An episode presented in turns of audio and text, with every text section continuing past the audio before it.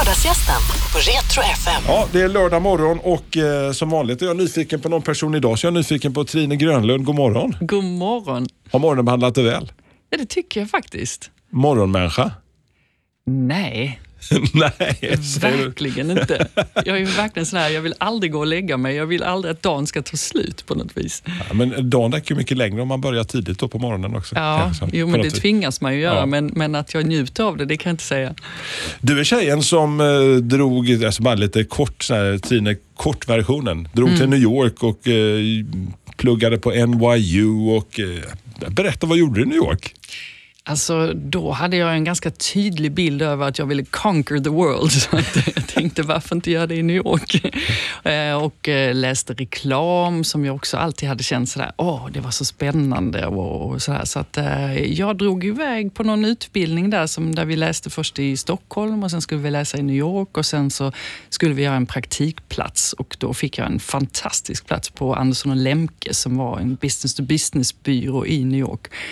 Och där eh, blommade jag och fick lära mig liksom allt som jag behövde göra omkring marknadsföring och, och liksom så småningom också hela internetbiten kom ju in där också. Så att jag var kvar i, i New York under 12 år. Wow. Alltså, men vad var det som höll alltså, vad var det som gjorde att du flyttade hem igen? Ja, det var ju mer faktiskt, eh, det var ju mer baksidan av the American dream. Det var ju att man under de här 12 åren hade klättrat och klättrat på karriärstegen och eh, liksom fått känna the American dream när den liksom verkligen bara puttar en framåt och man tänker, gud, jag har ju knäckt koden till livet. Liksom. Jag, jag jobbar mer, får mer Ja. betalt, får mer ansvar. Eh, Men någonstans i det hela så, eh, ja, men så ramlar man ner på andra sidan. Liksom. Och eh, I och med IT-bubblan kom så började vi också jobba. Vi jobbade ju redan ganska hårt och New York är ganska högt tempo som det är. Men när eh, IT-bubblan kom så skruvade vi ju upp volymen ytterligare liksom. och till slut så, så stänger ju systemet ner. Kroppen är ju sådär, men nu får du ju bara ge dig. Så Liksom. det var lite system shutdown där på Trine, eller? Nästan? Det var totalt systems shutdown och eh, samtidigt så var det också eh, shutdown i New York i form av att sen kom ju September 11 som var i slutet där innan jag åkte hem som stängde ner liksom stan och ekonomin och, och allting och eh, IT-bubblan sprack ju innan dess liksom så att det var ganska mycket som Liksom vi kämpade och kämpade in i det sista och var så här, men det är ju här vi vill bo och jag hade alltid trott att det var där jag skulle stanna på något vis. Men till slut så kände man att nej, nu får vi ge oss. Nu får vi liksom börja om där hemma istället. Och så landar hemma i sköna, lugna Sverige. Och, och vad, vad hände hemma i Sverige? Ja, men här var det ju liksom bara att börja om från början. Vi hade ju lite sådär kom hem tomhänta. Vi fick sälja våra sista saker på någon eh, sån här, eh, liksom yard sale i, i vår trädgård eh, och göra av med de sista grejerna så att vi hade pengar att komma hem överhuvudtaget. Så att vi kom hem ganska tomhänta och eh, landade i min mammas sommarstuga nere i Falsterbo som eh, mamma hade gift om sig med hennes underbara man Ulf och eh, han hade sommarstuga där nere och där fick vi liksom landa lite och, och tänka om och, och tänka vad gör vi nu? Och Det som är underbart när man har hamnat på botten det är ju att man kan tillåta sig att drömma lite och, och, och liksom tänka, ja okej, men om vi ändå inte har något att förlora, vad ska vi då göra med våra Så liv? fanns något positivt mi- mitt i all den här bedrövelsen? Alltså det kan man alltid hitta tycker jag. Faktiskt. Så att, eh, både min man och jag kände att, eh, eller min dåvarande man då, att han, ja, men vi skulle ge liksom, eh, honom två år att förverkliga sin eh, dröm och, och liksom fortsätta med sin fotografi eh, full time. Och eh, jag tog ett jobb i Köpenhamn och, och började pendla över där och, och jobbade där som utvecklingschef för ett företag där. Så att det liksom, ganska snabbt kom vi In i ekorrhjulet igen? Ja, eh, faktiskt gjorde vi det. Jag gjorde det. Jag, jag liksom fick mig en tankeställare till ett par år senare där jag kände att, att det här med att lämna innan ens barn eller min son då har vaknat och, eh, och sen eh, komma hem och vara den, liksom, ja, han nästan ska gå och lägga sig igen. Det var inte kul på något vis. Så att, eh, då fick jag tänka om och, och liksom förverkliga drömmen att starta eget eh, istället. Liksom. Lite scary att starta eget när man har varit där inne liksom och blivit matad hela tiden liksom, och det kommit en skön lön varje månad. Så. Ja, är du en alltså- entreprenör Trine, i grunden? Ja, men jag är det och för mig så, liksom, det är många som är så här, åh vad modigt och så här, liksom, men för mig så alltså det finns liksom ingen annan väg. Så att det, för mig är det mer modigt att gå på jobbet varje dag på något vis. Eh, jag älskar entreprenörskapen, jag älskar eh, friheten som, som ju inte är den frihet som man tror kanske att det, att det är. Liksom. Men just att få skapa och bygga upp. Och jag har också lärt mig att jag älskar att starta företag mer organiskt. Mm. Liksom, så att jag får med mig själv i processen. Så att man inte bara liksom, ja, att det rusar iväg på något vis. Men, men den drivmotorn du alltså, verkar ha, du bara lyser ju om det när du pratar om det. Alltså, vem, vem, har gett dig inspiration, vem har gett dig kraft för liksom att vara, när du var där, alltså, någon förebild, någon mentor, någon person som betydde mycket under den perioden som drog in? Eller var det bara din egen drive? Jag tror jag har en inbyggd drive. Jag har givetvis haft många fantastiska förebilder längs vägen. Liksom. Men jag tror faktiskt att jag har en, en inbyggd drive. Och jag tänker, ibland har jag liksom tänkt tillbaka och jag minns när jag var eh, sex år. Mina föräldrar precis hade skilt sig. Vi hade flyttat in i ett nytt hus och i grannen bredvid, de skulle eh, det var nya människor som skulle flytta in där. Och eh, då var jag där inne och lekte med den här nya killen som skulle flytta in och längst uppe på vinden där så hittade vi en stor låda som stod kvar från den förra ägaren. Då. Och, eh, och då öppnade vi den och då var den full med porrtidningar. jag trodde jag skulle, jag skulle nästan, jag satt och tänkte på det Trine. Ja. alltså den var så full med porr och då såg man liksom den här killen och hans lillebror som var helt röda i huvudet medan jag direkt så här, vi startar en porrklubb. Och då och beordrar jag alla liksom, kvarterets barn att riva ut alla de här sidorna och så klistrar vi upp det i hela min, eh, vårt cykelgarage. Och eh, oh, sen herregud. cyklade jag runt i kvarteret så, jag har öppnat porrklubb, en krona inträde. Och så tog jag inträde då. Och, det var, och, då, och då, när jag tänker tillbaka på det, att det kändes så naturligt att starta en porrklubb. Då, ja, liksom, det är väl klart. så, så var det liksom, så kände jag, jag har nog haft det där drivet livet faktiskt, hela mitt liv på något vis. Fantastiskt. Alltså jag kommer ihåg alltså mina minnen av de här första porrtidningarna. Vi hittade ett gammalt rivningshus och så var det den här klassiska lådan som ja. du beskrev. Och så förlägna små killar på 6-7 år gamla och titta, vad fan är detta? Liksom. Ja, Ser det ut på detta viset? Så, Exakt. Oh, herregud. Ja, oh, jösses. Eh, någonstans där så så, så börjar du varva ner lite grann tempot. Familjen ska ha sitt också någonstans. Liksom.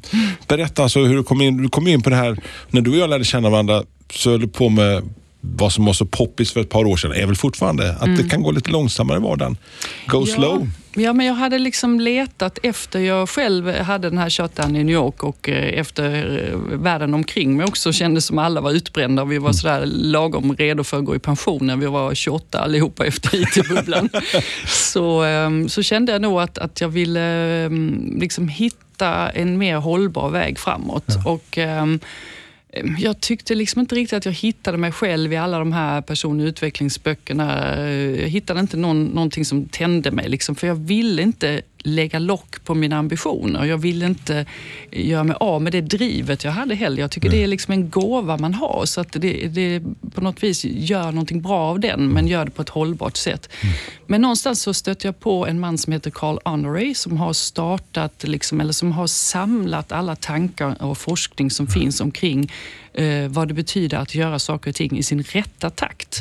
Mm. Eh, och eh, Man kallar det då för slow movement, liksom, för att man eh, inom slow movement, till exempel de flesta av oss känner till slow food. Mm. Och Det handlar ju om att, att göra mat i sin rätta takt, att äta mat mm. i sin rätta takt och så. Uh, och, uh, och, Det här med att göra det, att, att jag på något vis så, så, hörde jag att han sa, du får lov att vara ambitiös och du får lov att springa på om du, det är nu det du gillar. Liksom. Men gör alltihopa, liksom, var duktig på att läsa av att det du gör har eh, sin unika takt som du mm. behöver respektera. Och om du inte gör det i sin rätta takt så kommer du alltid betala räkningar. Så ehm, äter du bara snabbmat, ja då får du en räkning i form av ohälsa. Eh, har du bara en massa snabba möten så mm. har du räkningar i form av eh, missförstånd och 20 e-mail som ska skickas efteråt. Pratar du bara snabbt med dina barn så får du kanske en räkning av att de inte vill prata med dig när du väl har tid sen. Så någonstans så, så tror jag att mitt första steg till att öppna upp mig för alla de här sakerna var just genom att förstå att, att uh, okej. Okay. Så du applicerade på dig själv, din egen vardag? Ja, men jag började att göra det liksom och försökte att tänka på hur får jag med mig själv på något vis. För jag kände alltid att jag var tre steg framför mig själv på något vis. Så att Mm. mitt driv var liksom där och med min kropp och själ. Och var liksom, det var, fanns inte någon helhet och någon harmoni i mig. Men när jag började att göra saker och ting liksom på, i ett tempo där jag fick med mig själv Mm. så märkte jag ett, att jag mådde mycket bättre. Två, att jag faktiskt fick lika mycket gjort på något vis. Så att- Märkligt. det är väl märkligt. Jättemärkligt. Och det, och det känner jag gång på gång sen dess, liksom, att det bevisar sig just att, att eh, om, vi, om vi gör saker och ting i sin rätta takt så, eh, så får vi nästan mer gjort. För att det vi har gjort är så solitt på något vis. Det är som man har liksom asfalterat bakom sig. Man kan inte ramla, utan det är inte bara en massa duttjobbande och en massa små fjärtar, liksom, utan det är liksom, du kan stå på det. Och det, det är inga quick fixes här, utan det är, som du säger, det är inte rocket science, utan det är Nej. bara... Nej, alltså det finns ju inga quick fixes i livet tyvärr. Eh, Men eh, jag tror att man ganska snabbt kan känna en förändring om man bara eh, tänker lite annorlunda i vardagen. Det var slowrörelse, men nu någonting helt annat. Energilabbet jobbar du med idag. Berätta. Mm. precis. Mental hållbarhet. Ja, men alltså det är egentligen same shit, different packaging, höll jag på att säga. Men alltså, det egentligen är det ju samma tankar som, som är med mig. Eh, Men, eh, men idag så tänker jag liksom att just när jag pratar om mental hållbarhet, jag tycker att vi väldigt länge har pratat om eh, miljö eh, när- från ett hållbarhetsperspektiv och eh, det är viktigt att vi har den diskussionen. Men vad man ser är att eh, det blir allt mer lika viktigt att vi pratar om den mentala hållbarheten i det hela. Att vi faktiskt som människor räcker till i processen och att vi har ork över i vardagen. Vi bränner ut eh, de maskinerna, det vill säga människorna som gör en stor del liksom av tankarbetet nu för tiden. Ja, men alltså vi, vi konsumerar ju mer när vi mår dåligt. Så att vi, liksom, om vi vill fixa miljön så måste vi nog kanske fixa oss själva först på något vis. Eh, och, eh, och jag tror att mycket av det som har funkat innan, när man tänkte ja, ja, men vi har ju alltid varit stressade. Men jag tror att det har eskalerat nu de sista fem, tio åren i, i, i, liksom, i och med digitaliseringen. Så det gör att vi måste hitta nya redskap. Jag tror vi alla känner någon som eh, har gått in i väggen på jobbet eller är utbränd och vi har alla känt den där liksom någonstans har varit uppe där och nära och touchat Mm. ättestupa. Ja, och, då, och det som är tråkigt då är ju att vi har ju tjatat om stress i så många år, så det är inte så att vi inte vet vad som ska till på något vis. Men, eh, och det är därför jag gillar att prata om mental hållbarhet, för att jag tror att vi ska börja prata om det mer lösningsorienterat. Liksom, så att när, när folk säger att jag är så stressad, liksom, så är det precis som, då lägger man sig på en frekvens som liksom bara lockar till så här ännu fler negativa tankar. Liksom. Medan nu tycker jag liksom att ja, men okej, vi har etablerat det, vi är stressade, men låt oss prata prata om hur våra hjärnor mår i, i vardagen idag och hur utsatt hjärnan är och, eh, och hur, vad vi kan göra åt det. Så att det är precis ett, ett skifte som måste ske från att ha pratat fysisk hälsa till mental hälsa. Mm. Och eh, alla de här inputsen som vi får hela tiden möts mm, det klassiska som man hört senaste åren. Ja, men ta och stäng av mobiltelefonen och så är det lite mindre skärmtid och så, så fixar vi det på det sättet. Jag tror inte att det är lika enkelt som så, även om det är säkert så att det kan vara bra att man kan stänga av det där flödet av info titt som tätt. Har du, alltså, har du några sådana tankar hur man... Så här, är, enkelt är det inte, men några eh, ground rules. Ja, men jag tror först och främst så måste vi börja prata i de här termerna. Så att, eh, till exempel så när vi pratar fysisk hälsa så vet vi alla att ja, men om vi har stått i trädgården och jobbat hela dagen med kroppen så är det klart att vi vill vila kroppen på kvällen. Men om hjärnan har varit utsatt för enormt mycket intryck under en hel dag så är det inte lika naturligt för oss att gå hem och vila hjärnan utan då går vi hem och tittar på TVn och då tar fortfarande hjärnan in en, en massa intryck. Ehm, det är liksom, vi har inte riktigt en bild av hur vi ska ta hand om hjärnan i det hela. Så jag tror det första steget är ju att vi börjar att prata om mental hälsa på samma vis som vi pratar om fysisk hälsa. Och att vi eh, sprider kunskap omkring vad mental hälsa är. Hade någon börjat prata så här mental hälsa för 10-20 år sedan när du var mitt inne i ekorrhjulet när- e- efter alla de där härliga New York-resorna och upplevelserna i New York? Lite så. Nej, och jag, idag så tänker jag liksom mm, att mental hälsa och mental hållbarhet tänker jag mer liksom som neurohacking. Alltså det, är liksom, det handlar om att hacka in i hjärnan och, och, och se till att den kan boostas. Och hur vilar jag hjärnan? Hur rebootar jag den? och så vidare. Så jag tycker det är lite spännande. Där kan man liksom nörda ner sig lite. Medan att vara psykisk sjuk eller någonting, mm. det känns liksom som, ja okej, okay, det är ja. någonting annat. Egentligen är det ju alltihopa samma. Liksom. Mm. Men eh, låt oss prata om det på ett sätt så alla liksom blir nyfikna på det. Att, eh, ja, men om du inte har ätit hela dagen, då kommer din kropp att vara väldigt trött. Men om inte din hjärna har fått syre på, hela, på fem timmar för du har suttit still hela tiden, mm. ja då kanske du måste röra på dig lite. Så, eh, så just det här snacket tror jag är ett väldigt viktigt första steg. Och där tror jag också att det är viktigt att vi börjar prata personligt ledarskap i det. Liksom. Att vi börjar ta ett, ett eget ansvar för detta. Mm. För det är ingen annan som kommer att, att fixa din mentala hälsa. Vi har Ofta så kan man liksom tänka att om man ligger där hemma i soffan och man känner att man har lagt på sig ett par kilo eller man har inga muskler eller liksom man är allmänt mm. missnöjd så är det sällan man säger att ja, det är min arbetsgivares fel eller det är mina föräldrars fel. Utan man eller hur? för det är det ju. Men på något vis så har vi, liksom, vi tar ju ett ansvar i det. Det kanske inte betyder att vi kommer iväg till det där jäkla gymmet ändå. Nej. Men vi vet ju vad som ska till någonstans och var ansvaret ligger. Men när vi mår fysiskt eller mentalt dåligt och vi är så här, oh, jag känner mig så stressad liksom, och jag känner mig jättepressad på jobbet. Men det är ju ingenting jag kan göra någonting åt, utan det är ju, det är ju min arbetssituation eller det är min livssituation och så mm. vidare. Men det finns jättemycket vi kan göra åt vår mentala hälsa liksom, och där måste vi börja få igång en bild i våra huvuden när vi är så här, liksom, ja, men jag vet precis vad som jag, mm, måste göras och jag har ansvaret själv. Energilabbet, eh, där träffar du dagligdags eh, människor som behöver hjälp med den här boosta om systemet, neurohacking. Mm. Berätta vad du, du jobbar med, med Energilabbet. Vet du, innan vi klev in här så berättade du att du, du, jobbar idag i Lund med lite olika företag som ni träffas här under ett par år. Ja, vi har dragit igång ett, ett roligt projekt som heter Energi Lund där jag tänkte att vad skulle hända om vi var liksom människor från alla möjliga företag i, eh, i en stad eh, som samlades runt bordet för att prata om de här sakerna och vi gav oss själva två år på att hitta en mer rolig och mentalt hållbar väg framåt. Eh, och där har vi idag företag som Axis och Sparbanken Skåne och så vidare som är med liksom i detta på ett mm. helt fantastiskt sätt. Och det som är roligt där är att vi då träffas som, mer som medmänniskor mm. på något vis och, och säger vad är det som ska till? Vad är det vi, hur måste vi förändra oss? Hur, hur, kan vi göra, hur kan vi jobba mer hållbart och hur kan vi leva mer mentalt hållbart? Gensvaret, ni har hållit på ett litet tag här nu. Alltså jag tycker att det är det är härligt att se att förändring sker ju oftast genom att man får små påminnelser över en längre tid från källor man känner sig trygg ifrån. Mm. Och jag känner nu att, att det som händer är att jag liksom konstant planterar små frön och små mm. påminnelser hos dem som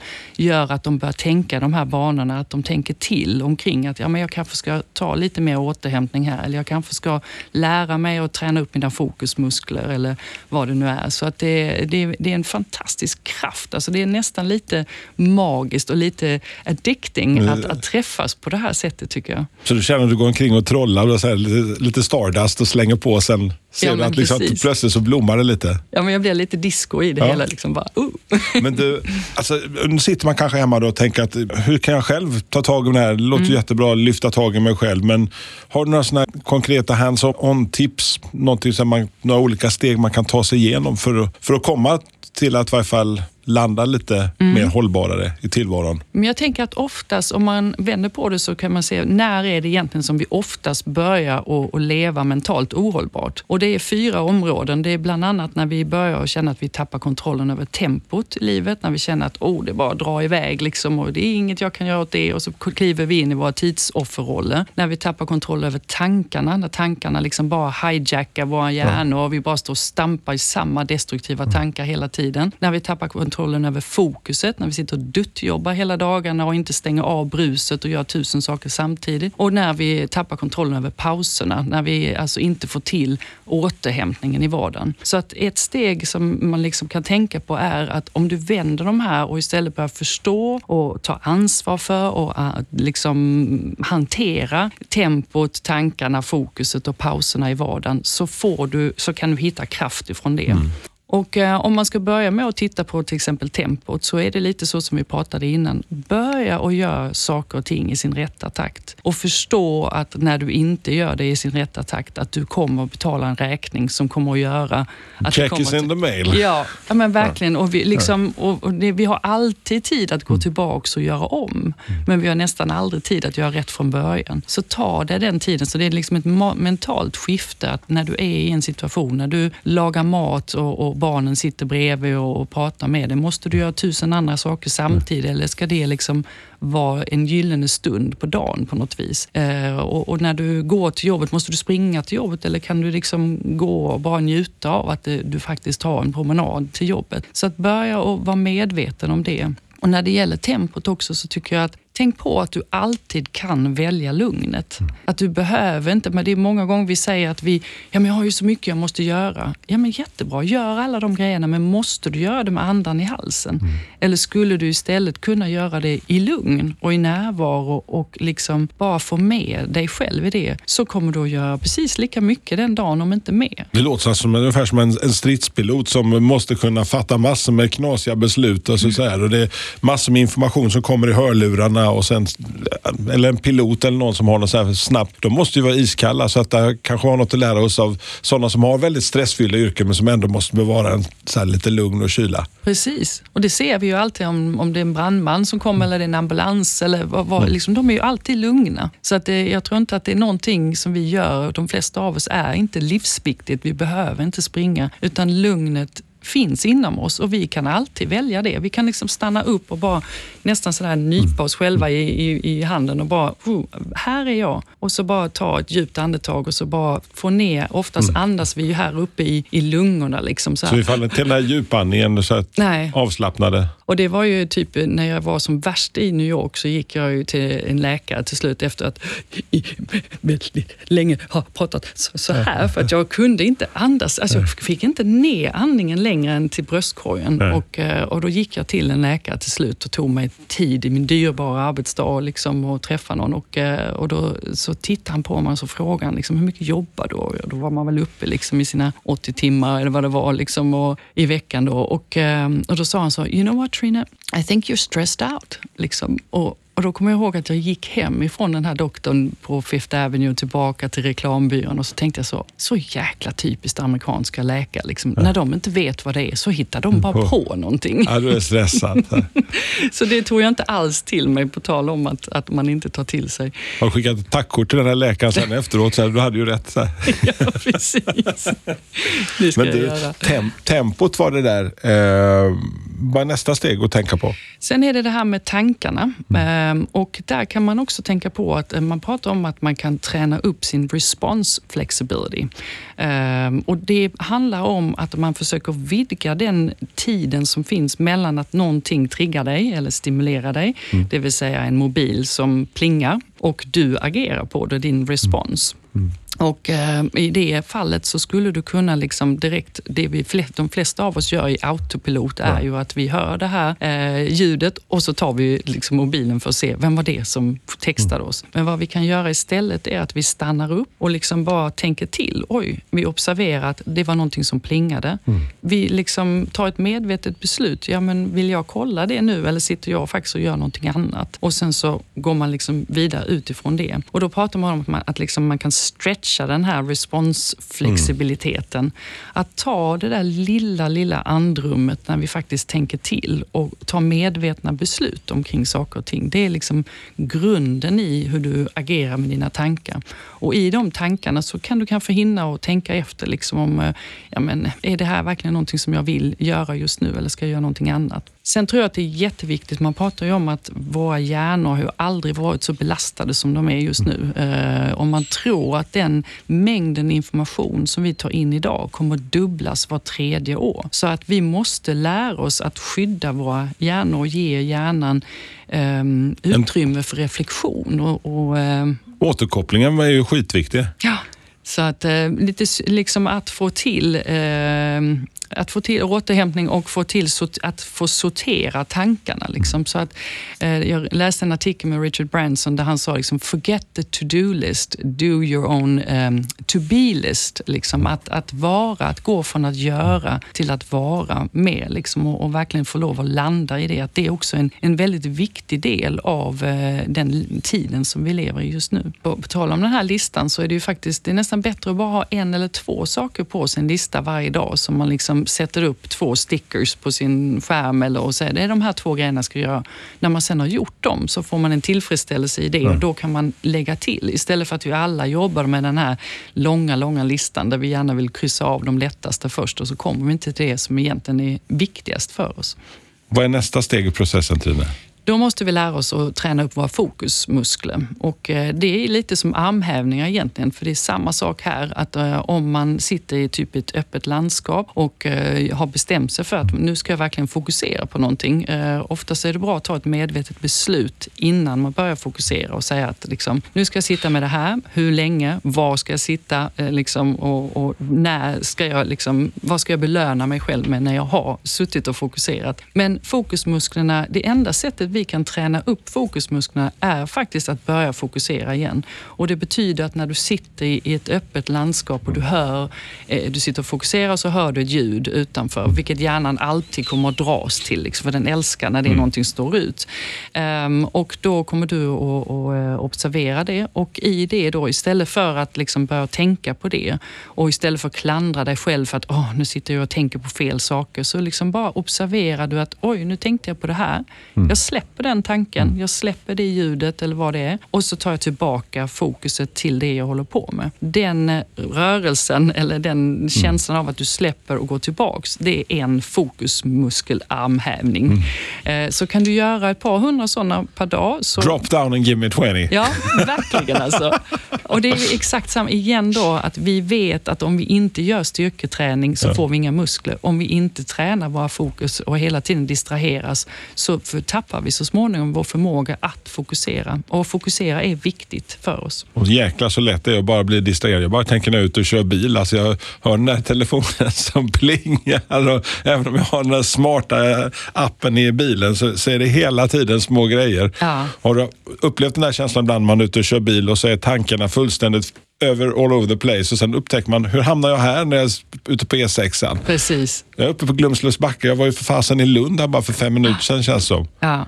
Ja, men vi måste bli bättre på att, liksom, att göra en sak i taget, för det är egentligen det enda som hjärnan mäktar med. Så när vi tror att vi multitaskar så sitter vi egentligen bara och avslutar en sak, börjar nästa, avslutar nästa, börjar nästa. Liksom. Och det tar som regel 40 procent längre tid för oss att avsluta någonting när vi håller på på det viset. Och det dränerar enormt mycket energi för hjärnan att behöva avsluta något och börja på någonting nytt.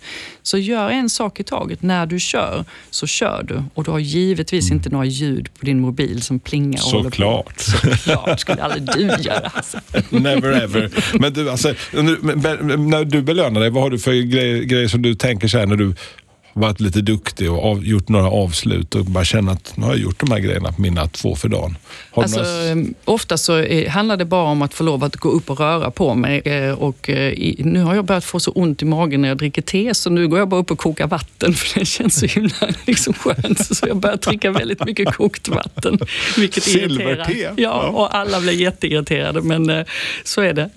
Men, men så att det behöver inte vara de stora grejerna, utan det kan också vara, ibland så kan jag till och med liksom känna att ja, men jag ska få lov att sitta och läsa min bok, om jag är, liksom läser någon bra bok, att jag bara får läsa en sida. Liksom, så att jag tar bort hjärnan från det där andra fokuset och bara går in i någonting där jag får det lugnt. Men egentligen, och, och det är väl den sista punkten, just det här med pauserna, att man tänker på att stressen i sig är ju inte problemet, utan det är bristen på återhämtning som är utmaningen här. Eh, och jag brukar ju kalla mig från att ha varit arbetsnarkoman i, i New York, så känner jag att jag jag är pausoman här hemma i Öresundsregionen. Eh, För att pauserna är otroligt viktiga och det är där man liksom får hämta ikapp sig själv. Om man, Men längden på pauserna är att man faktiskt de facto tar ett medvetet beslut och bestämmer att nu måste jag ta en paus. Om sen den bara är två minuter så ska min själv vara de här två minuterna. Precis, alltså en paus på två minuter där hjärnan slipper att ta in ny information. Där du faktiskt bara sitter och stirrar i en vägg eller koncentrerar på andningen eller någonting enkelt är bättre än 20 minuter med sociala medier och uh, checka massa e- e-mails och så vidare. Så att det, det absolut handlar mer om kvaliteten på pauserna. Sen är det klart i livet generellt mm. att du måste liksom ta tillvara på de pauserna där du inte jobbar till exempel. Det finns en anledning att liksom hjärnan ska inte gå i ett kring jobbtankar utan släpp de tankarna så att du inte känner dig pressad. Och sen så tror jag att det är viktigt att man kanske tänker sig själv mer som att man jobbar som en sprinter. Att liksom man går in och så satsar man och så jobbar man jättefokuserat, jobbar jättehårt och man är verkligen i den stunden. Och sen stannar man upp, precis som i en fotbollsmatch. Liksom, ja, men då har vi en paus här nu, justerar ja. vi, pratar lite strategi. Mm. Liksom, bara sådär återhämtning i det och sen så kör man nästa spurt. Så det inte känns som ett enda långt lopp på något vis. Jag tänker att det här är ju skitviktigt för alla och en var, vi som är i yrkeslivet nu, men jag tänker också på den yngre generationen som är på väg upp nu med allt det här som kommer princip under hela sin livstid vara utsatta för den här information overload eh, och kunna ta tillvara. Då känns det här så sjukt viktigt det du pratar mm. om just eh, mental återhämtning, mental hållbarhet. Mm. Alltså tankar liksom just i skolvärlden som man kan tänka, för det är väl någonstans där man kan, skulle kunna börja. Precis, att man, att eh, man kan få att lära våra ungdomar att bli mer medvetna om vad de har på sitt energikonto. Att, liksom, att någonstans så lär vi dem att om ni har använt alla era pengar, ja då måste ni börja spara mm. liksom, och då kan ni inte köpa någonting. Men om ni har redan använt upp el, hela ert energikonto, mm. gå då inte ut och spendera liksom mer energi på saker utan försök då stänga ner. Och känn efter om, liksom, för jag tycker att det är en, en, skillnad mellan att vila och att återhämta sig. När vi vilar så är det ungefär som jag säger med telefonen, att mm. ja, nu ska jag vila telefonen så lägger jag den. Liksom, jag ska inte röra den ett tag, men den laddas ju inte. Och för mig är vila ett sätt där vi liksom bara ligger. Vi, får, vi, vi använder inte energi, men vi får heller inte energi. Återhämtning för mig är att man verkligen tänker efter, men när är det egentligen jag fyller på kontot? Liksom? Vad är det jag gör då? Eh, vad är det för människor jag är med? Vad är det för miljö jag är i? Och, och, och så vidare. Och Det tycker jag är kanske just till ungdomar, att det är viktigt att de lär sig att läsa signalerna mm från sig själva att, eh, ja men vad mår du bra av? Är du så himla social? Vill du vara med människor eller laddar du kanske batterierna liksom genom att vara ensam eller vara i tystnad? Får du till de mm. stunderna eller går det i ett? Alltså jag bara kommer att tänka på ett fantastiskt barnprogram för ett par år sedan som låg lite före tiden, var på Bolibompa. De hade Trök i fredag. Där devisen var att för att ha kul så måste man ha trökigt någon gång emellan och då hade ja. vi Trök i fredag. Alltså, det ligger faktiskt väldigt mycket i det, att just att, för att kunna att, eh, landa lite grann. Jag tror allt jag har lärt mig i livet har jag lärt mig på Bolibompa. jag lärde mig teckenspråket, så här, upp med händerna som det var back in the days och lite annat smått och gott. Jag är så glad, nu har jag äntligen fått en namnsdag då på eh, Bolibompa, så det finns stora Trinedagen då, oh. så sjunger de för mig på morgonen. Där. fick jag vara med som dansk i det svenska samhället äntligen. Men du, eh, några kloka, the, the final famous word of tri, words of Trine Grönlund. Ja, jag tycker man ska unna sig lite i livet. Jag tycker en sak som jag har varit bra på, eh, eller blivit bättre på, det är just det här att, att liksom tänka efter, stanna upp och tänka efter. Vad behöver jag? Vad behöver min kropp? Vad behöver mitt eh, sinne, eh, min hjärna i den här stunden? Och inte bara göra det som förväntas av oss. För det, det ställs väldigt stora krav på oss eh, utifrån. Vi har upplevda krav och vi ställer väldigt hårda krav på oss själva. Och jag kan känna liksom när jag har stått på scen en hel vecka och hållit på att ge energi överallt och så här, så känner jag ofta sådär på lördag morgon. Vad vill jag? Vad, vad behövs? Och jag vet vad som be behövs är ju att jag tvättar eller att jag krattar löv eller alla de här grejerna som vi alla känner att vi borde göra. Men där att jag verkligen unnar mig och tänker liksom, nej, men vad jag egentligen vill och vad jag önskar just nu och som, vad som skulle ge mig återhämtning är att få ta tåget till Köpenhamn och bara få sätta mig på ett café och läsa. Mm och sen så komma tillbaka igen. Liksom. Så att, eh, och då gör jag det. Då tar jag mig den tiden. Det är faktiskt helt okej okay att få göra det. Ja, det, och världen gick inte under, utan tillbaka kom en, en, en glad mamma och en häftig eh, väninna. Och liksom, då har jag ju verkligen pumpat upp mig. Så att investera i er själva, det är vi så värda. Fantastiska ord. Tack för att du kom Trine. Tack snälla. Lördagsgästen på Retro FM. Dåliga vibrationer är att gå utan byxor till jobbet. Bra vibrationer är när du inser att mobilen är i bröstfickan. Få bra vibrationer med Vimla. Mobiloperatören med Sveriges nöjdaste kunder enligt SKI.